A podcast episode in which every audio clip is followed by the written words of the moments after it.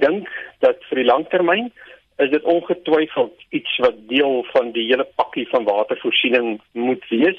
Dit bring 'n bietjie diversiteit in die watervoorsiening, dat 'n mens minder reënafhanklik is en daar's 'n baie groot premie te betaal om aan jou kommersiële omgewing of aan jou verbruikers kom ons noem dit maar 'n 100% sekerheid van lewering kan gee wat dan nou nie so seer deur die droogtes geaffekteer kan word nie.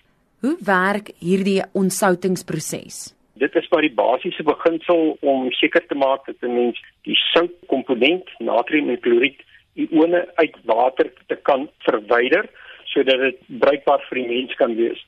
En daar's nou 'n paar verskillende opsies wat 'n mens nou kan gebruik rondom ontsouting. Jy kan destilleringsprosesse gebruik. Daar's verskillende vorms van destilleringsprosesse en dan kan jy membraantegnologie gebruik. Daar's ook bevriesing, maar die membraantegnologie is die tegnologie wat waarskynlik die mees algemene gebruikte manier is om ontsouting te bewerkstellig. Meer as 60% van die wêreld se ontsoutingstegnologie maak van membraantegnologie gebruik.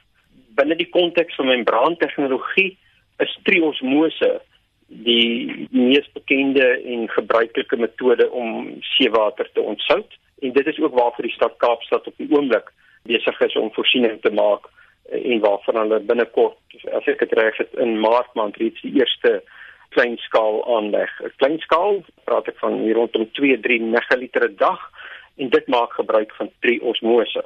Nou wat presies behels triosmose? triosmose is eintlik maar 'n proses as ons dit eenvoudig kan stel wat daarop gebaseer is dat daar word 'n membraan gebruik wat optree as 'n soort van 'n sif en dat jy dan nou die water met 'n hoë konsentrasie van sout of natriumkloried ione deur hierdie sif sal forceer en wanneer jy dit doen en jy genoegsame druk op hierdie water wat deur hierdie sif beweeg plaas dan hou hierdie sif eintlik maar hierdie soutpartikels terug. En op daardie manier bewerkstellig 'n mens dan nou ontsouting.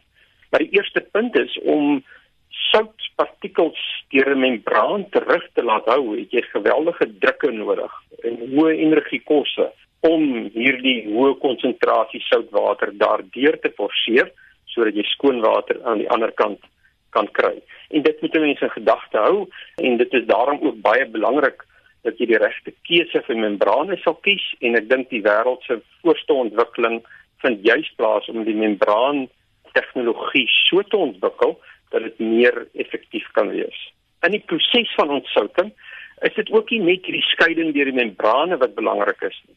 Daar's 'n voorbehandelingsproses wat moet plaasvind want ons moet onthou dat membrane kan eintlik alle onsuiverhede tot en met die grootte van byvoorbeeld natrium en kloried ione uit die water verwyder. Maar daar's baie goedkoper maniere om onsuiverhede uit water te verwyder. So daarom wanneer mense hierdie ontsoutingsaanlegte beplan en wanneer die stad of enigiemand anders, stad Kaapstad, enigiemand anders daarna kyk, sal uh, beslis aandag daaraan moet gee dat mense voorbehandelingspraktyk in plek stel sodat jy die goedkoper maniere kan gebruik om die gewone onsuiverhede soos alge en sandpartikels uit die water te kan filtreer sodat wanneer jy by die membraan tegnologie kom dat dit net die funksie van die membraan is om die soutpartikels daar uit te haal. En dit is belangrik dat as jy enige onsuiverhede uit die water met 'n membraan wil haal, dan blok die membraan baie vinnig, sy lewensduur is baie kort en dan jy 'n probleem en dit is 'n duur komponent